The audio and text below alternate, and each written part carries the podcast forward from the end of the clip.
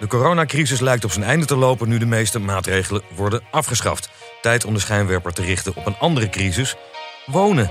Hoe zou het zijn met Hugo de Jonge, de coronaminister met de vrolijke schoenen, die minister voor volkshuisvesting is geworden? Er gaat geen dag voorbij of er staat selfies te maken ergens op een bouwplaats. Hoe heeft hij het tot nu toe gedaan en wat staat hem te wachten? Daar gaan we vandaag over praten. En we gaan even bellen met Sandra Bekkerman, Kamerlid voor de SP, die hem in de Kamer nu al het vuur aan de schenen legt. Komen er wel genoeg betaalbare woningen? Dit is Code Rood, een podcast over de macht in crisistijd in een land waar niemand de baas is. Mijn naam is Thijs Broer, politiek redacteur van de talkshow Op 1 en politiek columnist voor Vrij Nederland. En mijn naam is Peter K., ook politiek redacteur van Op 1 en politiek commentator van de Nieuwsbv op Radio 1.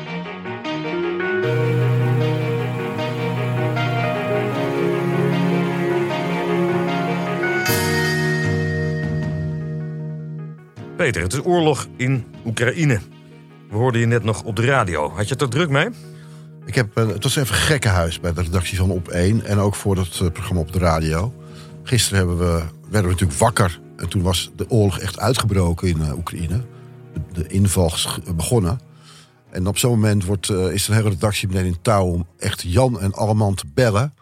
Om daarna een selectie te maken uit die 50 mensen die zijn benaderd. Wie er dan uiteindelijk aan tafel mogen zitten bij Op 1. Ja. En ja, die selectie begint dan eh, ja, met eigenlijk echt het random iedereen bellen. En, en om half tien, half elf wordt er geschrapt en wordt gekeken welke namen passen bij elkaar aan tafel. Wie zijn het leukst om te hebben? Wie heeft er ergens anders afspraken? Willen er nog ministers komen? Nou, dat is allemaal één grote grabbelton. Maar aan het eind van de dag hadden we best een goede tafel. En ook niet met te veel mensen, waar ik eerst heel bang voor was. Er zitten misschien wel 15 mensen aan tafel. Nee, het waren er een stuk of acht geworden. Met uiteenlopende verhalen. Zodat het wel een mooie uitzending werd. Ja, net als dat bleek ook wel. Dat is, eh, ik zag vanmorgen vroeg de kijkcijfers die we altijd braaf krijgen opgestuurd van onze eindredactie. Meer dan 900.000. Bijna het dubbele van de concurrentie.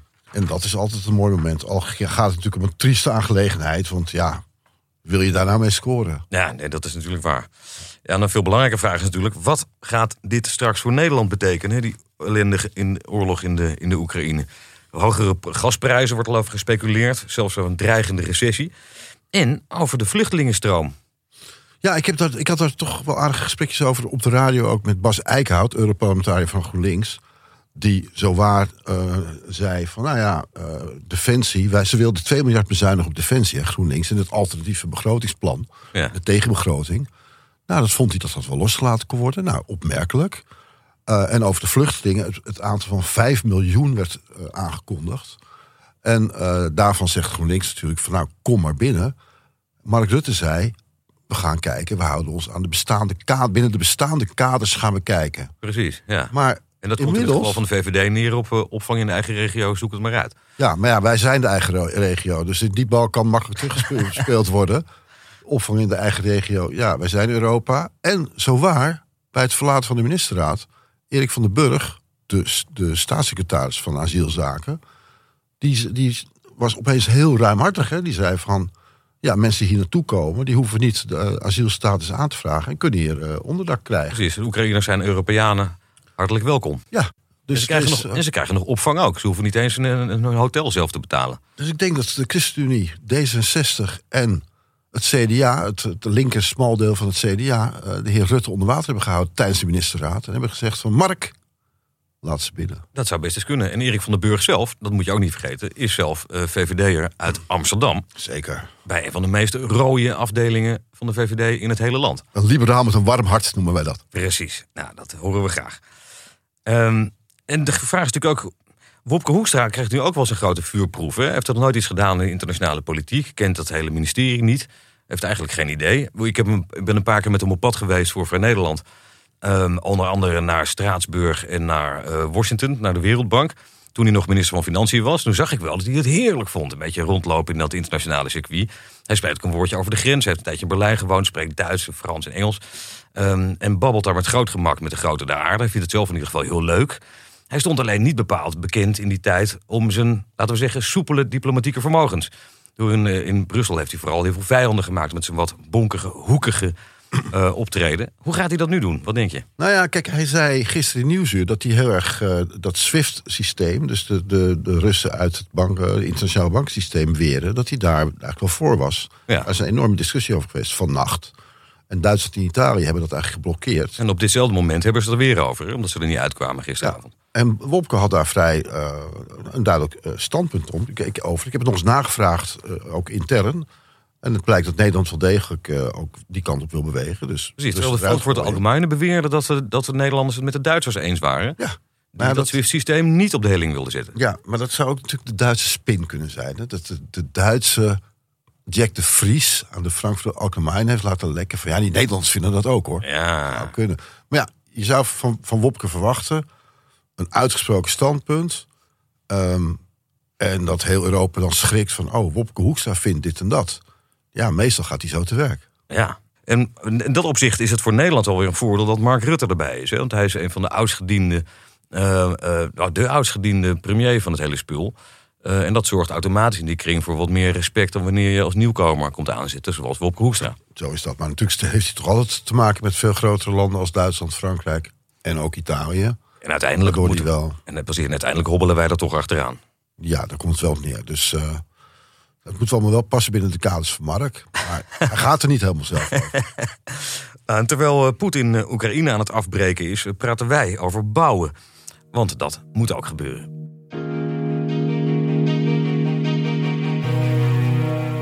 De laarzen van Hugo de Jonge.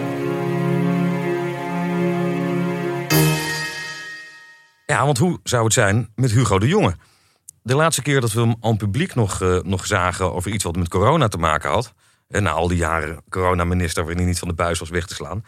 Was 14 januari op Twitter. Toen stuurde hij het tekstje persconferentie kijken en een foto van zichzelf. Met zijn uh, kleurige schoenen op de bank. Um, van, uh, terwijl hij de persconferentie aan het kijken was, de eerste persconferentie van zijn opvolger Ernst Kuipers. Met zo'n met zo'n icoontje erbij van een bakje popcorn.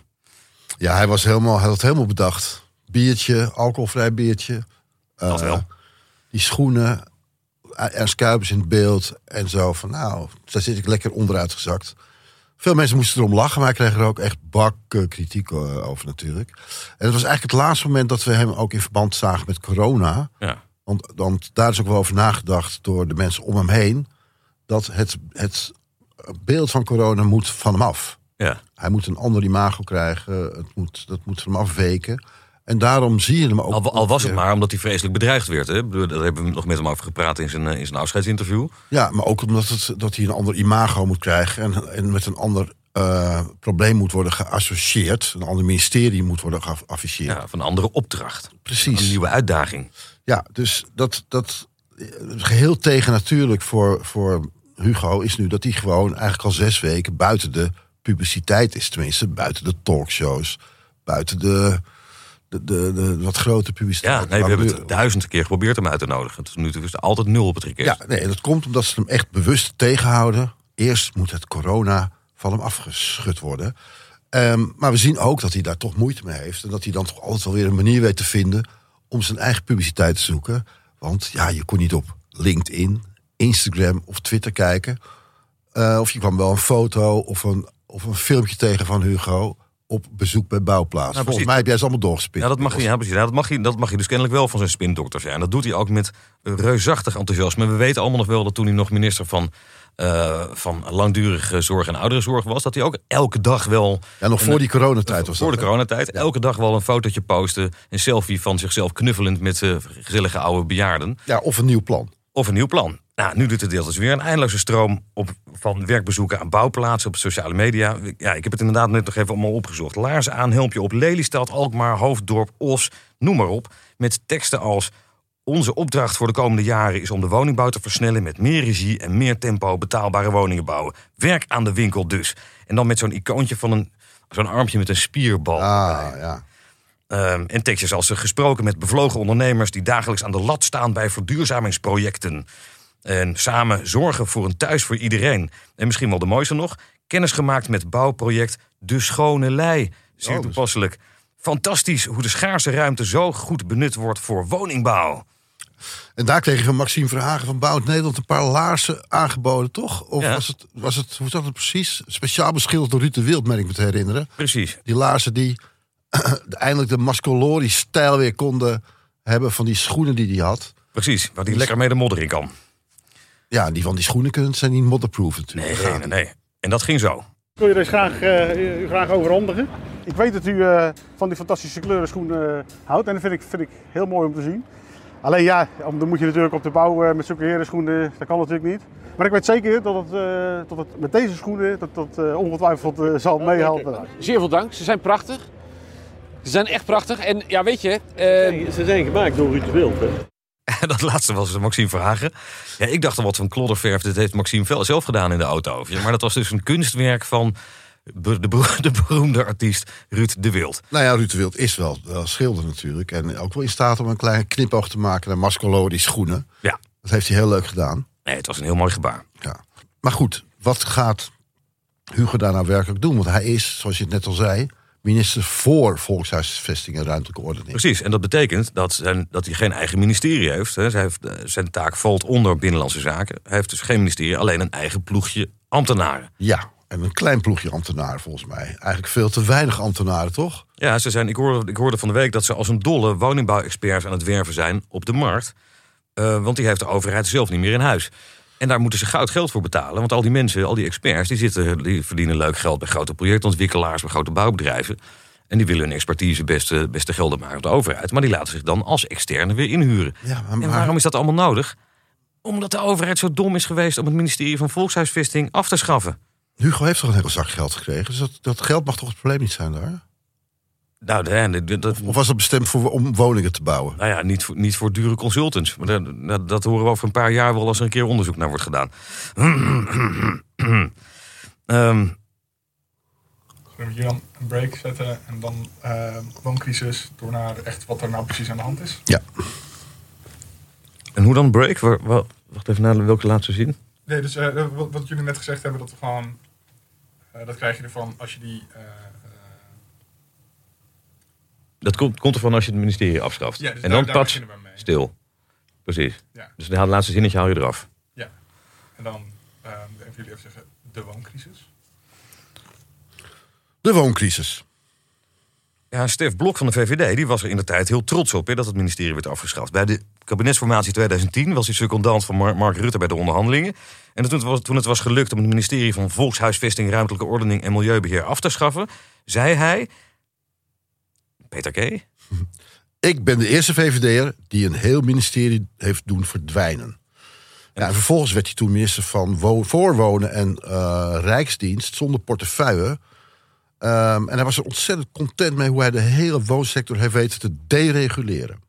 What I heard here today was um, that there's very clearly a positive sentiment because people see that uh, we made the investment environment better by deregulating uh, the rental sector. Uh, we created the possibility to increase rents more. We bring back the social housing sector to their core business, social housing, and thereby creating a, level playing field for the commercial rental sector. So I'm convinced that there are good opportunities here in the Netherlands.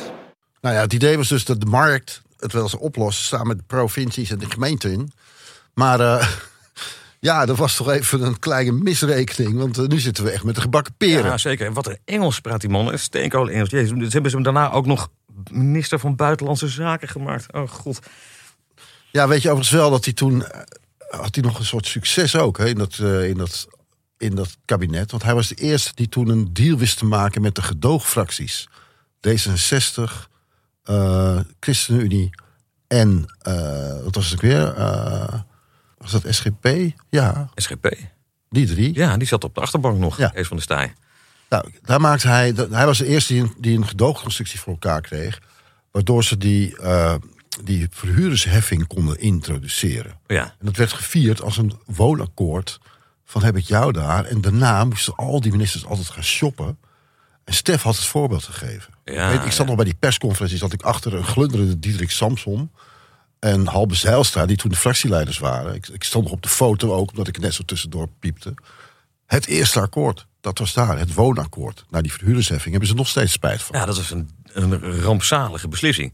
Het idee wat erachter zat, dat, dat, kwam ook uit de koker van de PvdA overigens. dat die woningcorporaties die al soort van verzelfstandigd waren in de jaren daarvoor, op de liberale golf, eh, dat die eh, inmiddels in Maseratis rondreden en, eh, en belachelijke dure woningbouwprojecten in Hongarije. Wat ook zo was, toch? zo. Wat waren allemaal schandalen. In, in een paar gevallen waren Ja. wat schandalen inderdaad. Vestia, zij worden niet vergeten. Waarvan de, de grote dader zelfs in de gevangenis is verdwenen. Nou ja, nee, hij had net op tijd zelfmoord gepleegd, geloof ik. Oh, echt waar? Zat het ook weer? Ja. Dat is een trieste, trieste gelegenheid. Maar dat was hoe de politiek vond dat er met een be- bezem door moest. En dat die, en dat die woningcorporaties maar gestraft moesten worden met een hele hoge verhuurdersheffing. Waardoor ze, zeggen ze zelf, helemaal niet aan bouwen toe zijn gekomen de afgelopen jaar. Precies. En inmiddels is dat in dit kabinet alweer herzien. Maar ja, eh, de situatie is nu wel zo dat er geen regie meer is bij de Rijksoverheid. Dat de expertise uit Den Haag is verdwenen. Eh, en toen kwam die stikstofcrisis nog eens overheen. Waardoor al die bouwprojecten werden lam gelegd. Precies, en die stikstofcrisis die ook door de eerdere kabinet is veroorzaakt. Eh, omdat ze met allerlei sjoemel-ideetjes probeerden de Europese regelgeving te omzeilen. Nou, die erfenis die, eh, die krijgen we nu met z'n allen op ons bord. En het gevolg, gevolg daarvan is dat de huizenprijs door het dak gaan. Het afgelopen jaar zag ik meer dan 20% erbovenop. Krankzinnige bedragen zijn dat. En dat betekent op zijn beurt dat het voor een hele generatie jonge mensen gods onmogelijk is geworden ooit nog een huis te kopen. Ja, met dank, ons, met ons dank als huizenbezitters natuurlijk een, een ideale situatie is. Nee, dat is ook wel weer waar. Maar ik heb wel te doen hoor met al die jonge mensen. Mijn eigen kinderen bijvoorbeeld. Nee, eh, je hebt helemaal gelijk. eh, een, enorme studieschuld. En eh, bijna onmogelijk om een huis te kopen. Ja, precies. Met hartelijk dank aan onder andere Stef Blok. En wie is de man die dit allemaal mag gaan oplossen? Nou, Hugo, Hugo de Jonge, je ziet het staan. Maar je weet hoe die is. We kennen hem goed genoeg. Als er een beroep wordt, wordt gedaan op Hugo de Jonge, dan gaat hij het aan. Plichtsgetrouw als hij is. Ja, Calvinist in hart en nieren. domineeszoon. Hebben ze me nodig? Ik neem de verantwoordelijkheid. Ik ga een crisis oplossen. Precies. Een geroepene zegt geen nee. En dit zei hij tijdens een van zijn Eerste Kamerdebatten als minister voor Volkshuisvesting. De, het hernemen van de regie als het gaat over het tot stand brengen van woningen. Het hernemen van de regie als het gaat over het beschermen van huurders. Het hernemen van de regie als het gaat over het, het zorgen voor de toegankelijkheid van, eh, van het kunnen krijgen van een woning. Het hernemen van de regie is eigenlijk de kernoproep die ik eigenlijk van alle partijen die ik heb gesproken eh, heb gehoord. Als de overheid geen regie neemt eh, in tijden van schaarste, ja, dan, dan geldt het recht van de sterkste. En dat mogen we niet laten gebeuren. Ja, dat klinkt, klinkt natuurlijk prachtig, hè? hernemen van regie. Hij zegt ook dat iedereen dat van hem wil. Ja, dus helaas zet hij nog steeds geen punt. Maar dat maakt niet uit. hoor. Hij kan nog, ja, hij is wat dat betreft niets veranderd. De debatten met Hugo zullen nog steeds eindeloos lang duren. en de grap is ook dat hij weer in dezelfde situatie verkeert... als hij op dat andere ministerie zat, midden in die crisis. Ja, daar hebben we Erik Gerritsen nog over gesproken. De oud-secretaris-generaal van VWS. Die nu de grote basis voor woningcorporatie IJmeren. En dus midden in de woningbouw terecht is gekomen weer. Ehm, Hugo moet weer aan de slag op een beleidsterrein waar niemand de baas is. En zeker de minister niet. En dat is hoe, eh hoe Erik Gerritsen het uitlegt. Ja, en die maar al te goed wist hoe dat inderdaad op het vorige ministerie was... en nu zwaar in dezelfde sector te- aan het werk is... en weet dat het precies zo'n onoverzichtelijk veld is... waar niemand de baas is. Precies, en net zo gedecentraliseerd en gedereguleerd als, eh, als het eh, in de zorg is gebeurd de afgelopen jaren. En dat krijgt dus onze arme Hugo de Jonge weer op zijn bord. Ja, en, maar hij heeft zijn eerste debat al- gehad in commissievergaderingen en zo.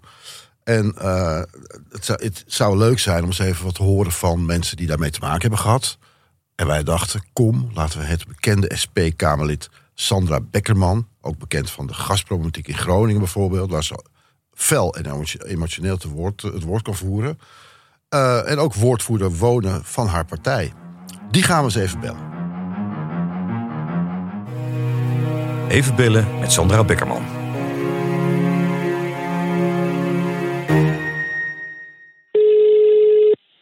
Met Sandra Beckerman. Dag Sandra, met Thijs, Thijs broer. Hi. hallo, goeiedag. Hi, ik zit hier met Peter K. in de studio in Amsterdam. Jij bent eh, thuis in Groningen?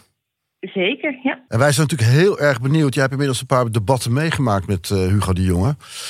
Wat voor indruk die op je maakte. Of, het, of die, of die nou, ook vooral of hij zijn bekende schoenen aan had. Of dat hij zijn nieuwe laarzen, zijn nieuwe kleurige laarzen van Ruud de Wild aan had. Nee, nog geen, eh, nog geen laarzen met, eh, met klompen kleider aan. eh, nee, nog steeds de, de gekleurde puntschoenen. Ja, niet de stemmig blauwe, want die heeft hij ook voor serieuze aangelegenheden. Maar de, de commissie is niet serieus genoeg voor de stemmig blauwe schoenen. Oh, het, uh, ik moet eigenlijk bekennen dat ik uh, meer op de inhoud heb gelet dan op de schoenen. Maar dat zal uh, mijn fout zijn. Excuus. Nou, gelukkig gaan we er ook zo aan toe komen. Maar, en, en verder, maar verder een klein beetje nog over die stijl. Ik bedoel, dat, dat, wij vinden hem altijd wel een beetje patserig en blufferig en zo. En, en lang van stof ook vooral. Zit dat er allemaal nog in? Ja, nou zeker dat uh, Lang van Stof ongelooflijk veel uh, woorden, commissiedebatten die uitliepen, uh, waar we nou ja, eerder moesten eindigen, geen tweede termijn konden doen, omdat de jongen zoveel woorden nodig had voor ja, wel weinig antwoorden eigenlijk nog. Het is ongelooflijk dat hij dat gewoon vasthoudt. Het is dat is zo vermoeiend geweest bij al die, bij al die debatten voor hem. Hij kan het gewoon niet laten. Hij is een man van het woord, als de dominee Maar dit, dit beleidsterrein is natuurlijk ook nieuw voor hem, uh, Sandra. Heb je de indruk dat hij langzamerhand al een beetje door begint te krijgen... waar het eigenlijk over gaat? Nou, we hebben eigenlijk pas, pas twee debatten gehad. Ehm, en daar moest hij wel heel veel antwoorden schuldig blijven. Hoewel hij met veel woorden kwam. Ehm, ik denk dat ja, voor een deel zie je echt wel een, een soort grote verandering. Uh, dat er echt wel het besef leeft van de, we zitten in een diepe wooncrisis. En die is mede veroorzaakt door politieke keuzes, of die is grotendeels veroorzaakt door politieke keuzes uit het verleden. Uh, dus dat zie je wel. Je ziet ook wel een man die uh, op zoek is naar een soort nieuw ideaal, een, een nieuwe uh, traditie van, van volkshuisvesting. Uh, tegelijkertijd nog gewoon heel erg vastzit, ook wel in nou ja, het denken van Rutte 1, 2 en 3. en daar ook nog gewoon een gigantische erfenis op zijn bord heeft. Dus wel heel erg zoekende is tussen die twee, twee smaken eigenlijk. Zijn grote opdracht is dat er een miljoen woningen moet worden gebouwd in de komende decennia. En daarvan twee derde betaalbaar. Kan dat? Ja, ja, nou dat was eigenlijk mijn, meteen waren dat mijn twee vragen. Want dat is een hele mooie belofte. Hè? We zitten in een wooncrisis. Uh, mensen kunnen geen uh, betaalbaar huis meer vinden, of het nou huur is of koop.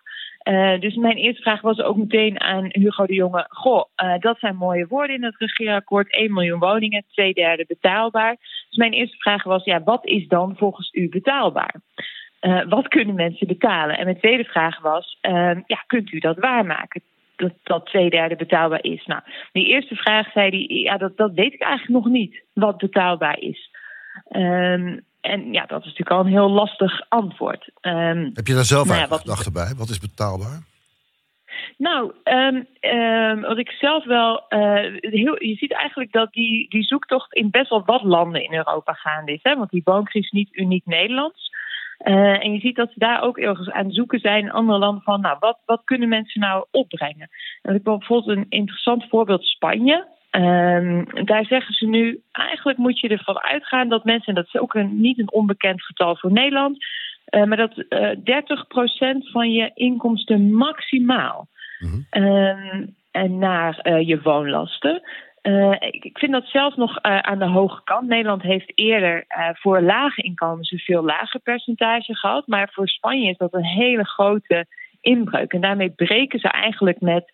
in Spanje heb je heel veel macht voor beleg, van beleggers op sinds de economische crisis. Dus grote beleggers zoals Blackstone, die we nu ook op zien komen in Nederland, hebben daar heel veel macht.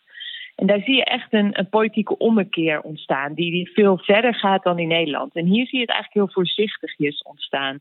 Um, dus mijn ideaal bij betaalbaar um, is ook uh, heel erg dat er veel meer uh, ook de mogelijkheid wordt geboden om te huren. En dat die huren ook um, uh, nou, sociaal zijn.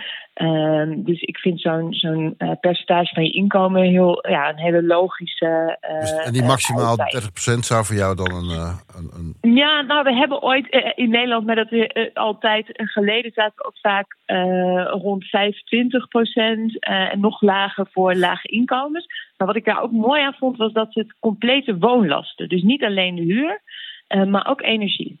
Ja. Maar de grote vraag is natuurlijk, waar zit de grote tegenstand voor Hugo de Jonge? Het is wat, wat ja. bij mij is opgevallen bij het lezen van de, van de verkiezingsprogramma's... dat eigenlijk alle partijen erover eens zijn dat het bouwen, bouwen, bouwen moet gebeuren. Mm. En dat er ook betaalbare woningen moeten zijn natuurlijk. En dat het allemaal binnen kortst mogelijk keren voor elkaar moet zijn. En dat we de regie moeten pakken. Daar is iedereen het over Dus in de, wat dat betreft zit er in de, in de Kamer... Uh, zit de grote tegenstand niet in de Kamer, op die grote lijnen. Waar zit de tegenstand dan wel die Hugo de Jonge, uh, waar Hugo de Jonge last van gaat krijgen straks? Nou, ik denk ook, um, want dit zijn een beetje toverwoorden. Het zijn bijna magische woorden geworden. Hè? 1 miljoen uh, roept iedereen, nou wat je zegt, hè? regie roept iedereen. Maar er zijn wel twee grote verschillen. En de eerste is natuurlijk een, bijna een ideologisch verschil. Hè? Gaat de markt dat doen uh, of gaat de overheid dat doen? Um, en dat, dat is al natuurlijk een, een, een hele grote keuze. En daar zie je eigenlijk het regeerakkoord nog steeds op twee gedachten hinken. Ja, de, bewe de, beweging is wel de afgelopen jaren weg, ja. weg, van, weg van de markt, toch? Ik bedoel, het is, het is ja, ook, dat is heel langzaam aan is dat CDA, er wel. Ja. Ook het CDA ja, heeft het over het herstel van de volkshuisvesting. Dat de corporaties toch weer een oude taak op zich moeten nemen en zo. Het is wel langzamerhand aan het ver nee, nee, veranderen. Heb je, heb je volledig gelijk in. Um, maar, uh, maar tegelijkertijd vlak niet uit dat natuurlijk nog steeds ook een voortgang is. Uh, van de VVD die geen afscheid heeft genomen van uh, die ideologie, in ieder geval niet geheel.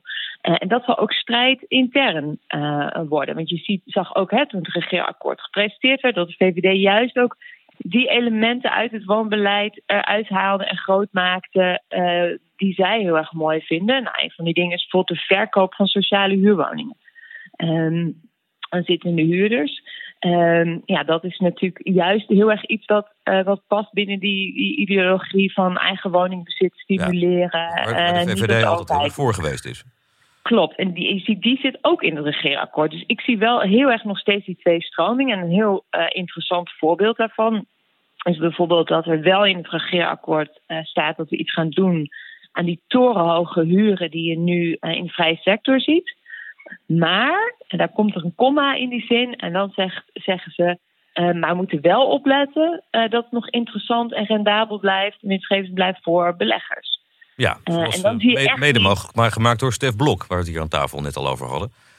Nou, precies. Ja, want dat is natuurlijk hè, die erfenis. Kijk, daar zit, dat is eigenlijk, denk ik, want je vroeg natuurlijk breder dan het kabinet, waar zit de weerstand? Ik denk dat dat eigenlijk uh, 30 jaar lang is natuurlijk um, uh, de ideologie heersend geweest dat de markt het moest oplossen. Hè, de heilige drie-eenheid van neoliberalisme, marktwerking, decentralisatie, zelfregulering. Uh, Stef Blok was eigenlijk het sluitstuk daarvan. Hè. In 2017 in zijn afscheidsinterview als minister van Wonen klopte hij zichzelf op de borst, grote kop in het Financieel Dagblad. Ik ben de eerste VVD'er die een heel ministerie heeft doen verdwijnen. Ja, zou die daar nog trots op zijn? Um, ik, ben bang van wel. ja, ik denk dat dit uh, echt iets is waar, ja, waar hij trots op was. Hij was ook echt trots op dat hij naar het buitenland ging om beleggers te lokken om die Nederlandse woningen te kopen. Maar goed, Hugo de Jonge zit nu met de gevolgen daarvan. Die zit op, een, ja, op het zeker. ministerie voor uh, volkshuisvesting. Dus eigenlijk zonder een, zonder Ja. een apparaat. Een apparaat dat hij nog op moet bouwen met veel te weinig mensen. Uh, en we kennen hem als de man van de grote belofte. De, de Genesis 1-strategie bijvoorbeeld. Heb je die al gehoord? Ken je die? Ik, ik heb hem gehoord, ja. ja, ja, ja. Ja, dus hij zegt... Um, er staat een man op de maan en er moet een man naar de maan. En er is een man op de maan. Eigenlijk, dat is een beetje de Genesis 1-strategie. Uh, er is er, zij ligt en er ja, is... Het ging eigenlijk over God en niet over een man op de maan. Het Ja. ging over God die zei er zij licht. En dat er dan ook licht komt. Dus als je dat ook zelf probeert als minister, dan kan je veel verder komen. En daarmee krijg je dan je ambten- ambtenarenapparaat en hopelijk ook de samenleving in beweging. Want als je eenmaal het doel hebt gesteld, dan wordt er tenminste naartoe gewerkt. Geloof jij een beetje in die Genesis 1-strategie in dit, op dit ministerie? Nou, kijk, ik denk dat het, het, het, het klinkt mooi. En ik denk ook dat er tijd is voor een politiek met misschien wel zo'n grote visie en, en grote uh, idealen die we dan ook echt verwezenlijken. Maar de vraag is hier natuurlijk, kan dat wel? Um, want, uh, nou ja, zoals jullie al constateren, um, er is geen echt ministerie. Heel veel kennis is de afgelopen jaren gewoon verdwenen, bewust ook verdwenen. Dat, dat was de hele uh, idee. Um, en uh, ja, uh, 1 miljoen woningen uh, klinkt heel goed. maar als dat niet lukt met, om die woningen betaalbaar te houden, dan zijn we aan het bouwen voor leegstand. Of voor mensen die dat helemaal niet kunnen betalen. Uh, en ik denk dat daar eigenlijk zo'n probleem gaat ontstaan. Want er zijn natuurlijk ook heel veel mensen met andere belangen. Uh, belang bij dure woningen bouwen, omdat ze daar veel aan verdienen. Belang om de grond duur te verkopen, waardoor die woningen uh, duurder worden. Ja. ja, je zei het zelf net al. Hij heeft ook nog de omgevingswet op zijn bord gekregen. Een wet die in één grote greep die huidige wirwar van 26 wetten in de ruimtelijke ordening moet vervangen. En de eindeloze reeks algemene maatregelen van bestuur die nu nog gelden. Um, van de week kwam het bericht dat de invoering van die wet alweer wordt uitgesteld. Hoe zit dat?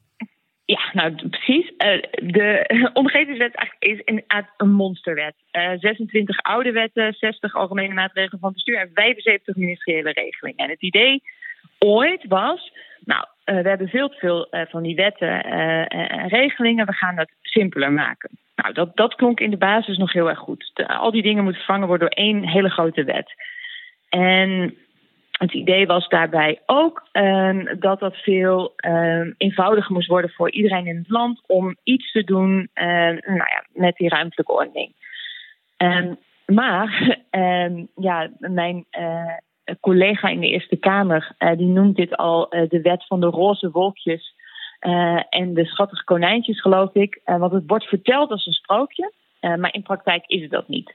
Want het idee was dus, we maken één wet om al die andere wetten te vervangen.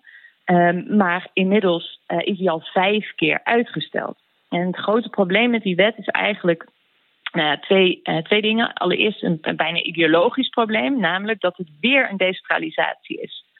Terwijl, terwijl Hugo de ja, juist precies, meer regie wil krijgen.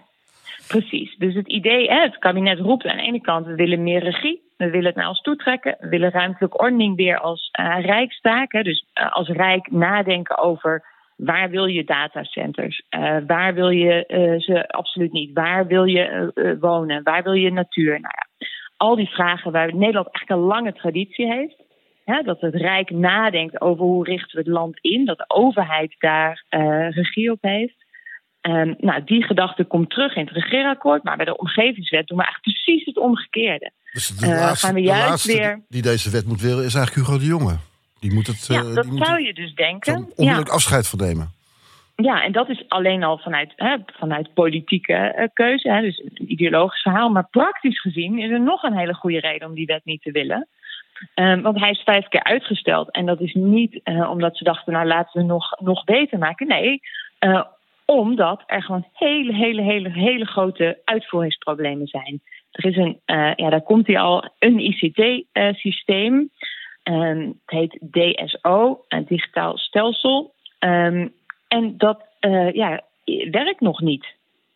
En dat is een heel groot probleem, want het idee van deze wet, die al die andere wetten en regelingen moest vervangen, was nou juist: het wordt simpeler. En met dat ICT-systeem wordt het voor iedereen inzichtelijk wat waar uh, gebeurt en wat waar kan. Dat doet me ook weer denken aan, aan het vorige dossier van de corona-app.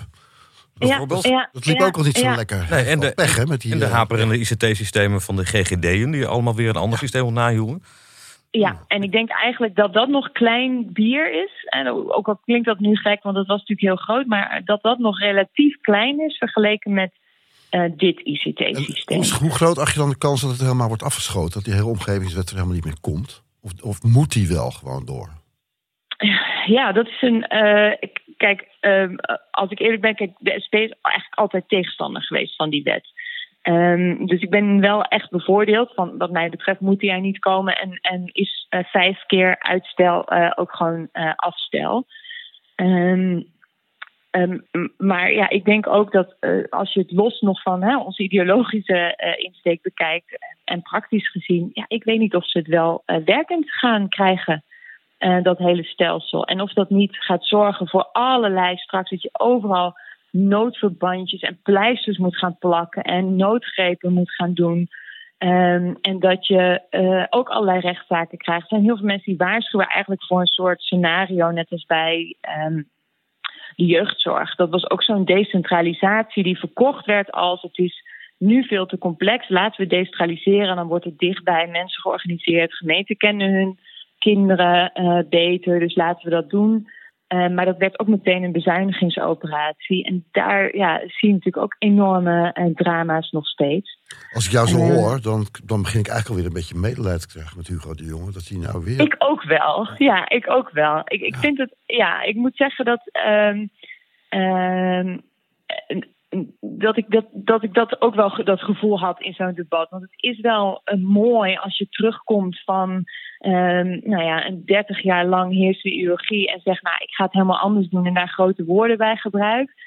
Uh, maar ook wel enige medelijden dat, dat je wel heel erg weinig ehm, ja, kansen hebt om dat te bereiken. En tegelijkertijd ook nog zit met een, een deel eh, van het kabinet. wat helemaal niet per se die kant op wil. of daar gelukkig van wordt. Dus je gaat hem niet zo veel attackeren als we van je gewend zijn, maar af en toe de arm de schouders slaan.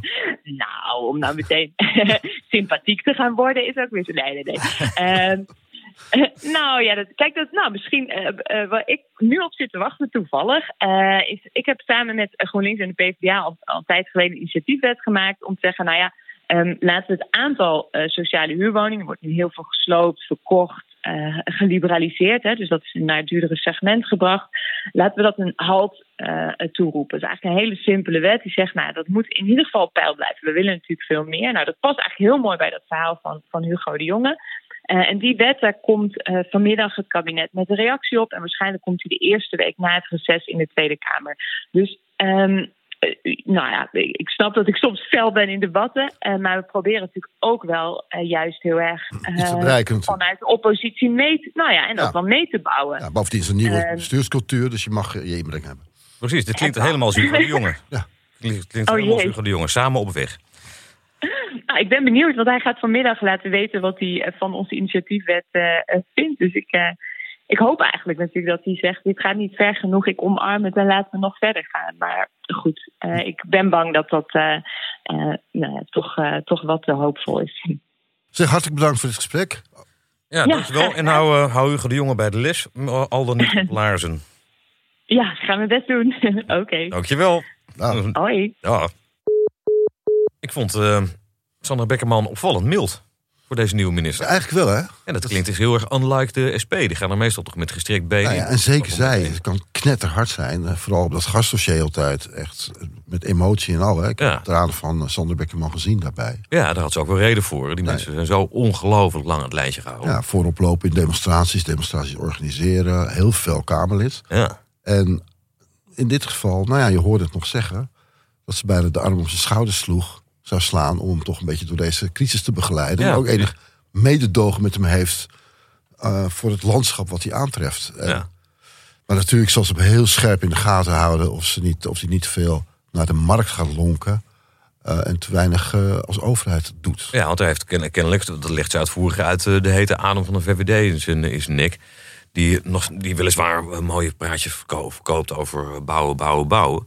Maar nog steeds hangt aan het idee dat de markt het allemaal los zal oplossen. Ja, maar tegelijkertijd weten we ook dat, eh, dat Hugo de Jonge tijdens de coronacrisis ook zei... eh, we gaan toch wel de, de zorg anders organiseren. Ja, centraler. Ja, en dat hij dat ook heel veel meer eh, de marktwerking voor een groot deel uit wilde halen. Ja. Ik denk niet dat dat gewoon een spontane gedachte is die hij alleen maar op dat vlak heeft. Maar ik geloof wel dat hij dat, dat, dat diep bij hem van binnen zit. Ik kan me voorstellen dat die marktwerking ook wel heel erg uit die woningbouw wil halen. Ja, dat denk ik ook. Dat, dat, dat idee leeft breder in het CDA. Pieter Heerma, de fractievoorzitter, was er, is daar ook een groot voorstander van. In de voetsporen van zijn vader, die nog eh, bewindspersoon is geweest en eh, ging over de volkshuisvesting in de tijd. Die ze in ere willen herstellen, ook vanuit het CDA. Ja. Het is wel voor al die vrienden die wij van ons van de Rotary, eh, die in de projectontwikkeling bezig zijn. Die, die waren al een beetje bezorgd, toch? Laatst. Nou ja, die, ja, dat, ja, dat viel me ook wel op. Ja, die, zeggen, ja, die zeggen aan de ene kant, eh, we wensen hem veel succes. Hij krijgt toch niks voor elkaar. Ja. Maar ze zijn ook een beetje zorgelijk over... straks krijgen wij het mes op de keel... en kunnen we geen centjes meer verdienen in dit land. Want het was natuurlijk vrij spelen voor die gasten... in de afgelopen paar decennia. Ja, behalve in Amsterdam. En dat had ze te maken met die SP-wethouder. Die was impopulair. Oh ja, ja. Die Laurens, zo heet Ja. Oh ja, Laurens Ivens, ja, waarom was hij ook weer weg? maar wat Sandra Beckerman ook zei, is dat eh, Hugo de Jonge nog steeds heel lang van stof is. En tot nu toe vooral met heel veel grote woorden komt. Waardoor ik opeens moest denken aan Jan Schever, de beroemde PvdA-wethouder uit Amsterdam, die in de jaren zeventig zei: In gelul kan je niet wonen. Ja, je zou toch echt, dat zij je gewoon elke dag aan Hugo de Jonge moeten laten zien. Hè? Dat, die term, Hugo, in gelul kun je niet wonen. En als hij dan toch zou bedenken dat hij de helft, de helft van de stof... meer kan, zou kunnen vertellen dan hij nu doet... Oh, daar zou iedereen toch echt blij van kunnen worden. Nou, we wensen hem eh, heel veel succes. Ja, eh, in gelul kun je niet wonen. Toevallig hoorden wij hier op de, op de redactie van Dag en Nacht Media... dat er binnenkort een podcast aankomt onder de, die titel. Fantastische, fenomenale titel. Ja, geweldig. Hadden ze eerst nog even gedoe mee, begreep ik. Maar uiteindelijk heeft de dochter van Weilen, Jan Schever, toestemming gegeven om de titel gewoon te gebruiken.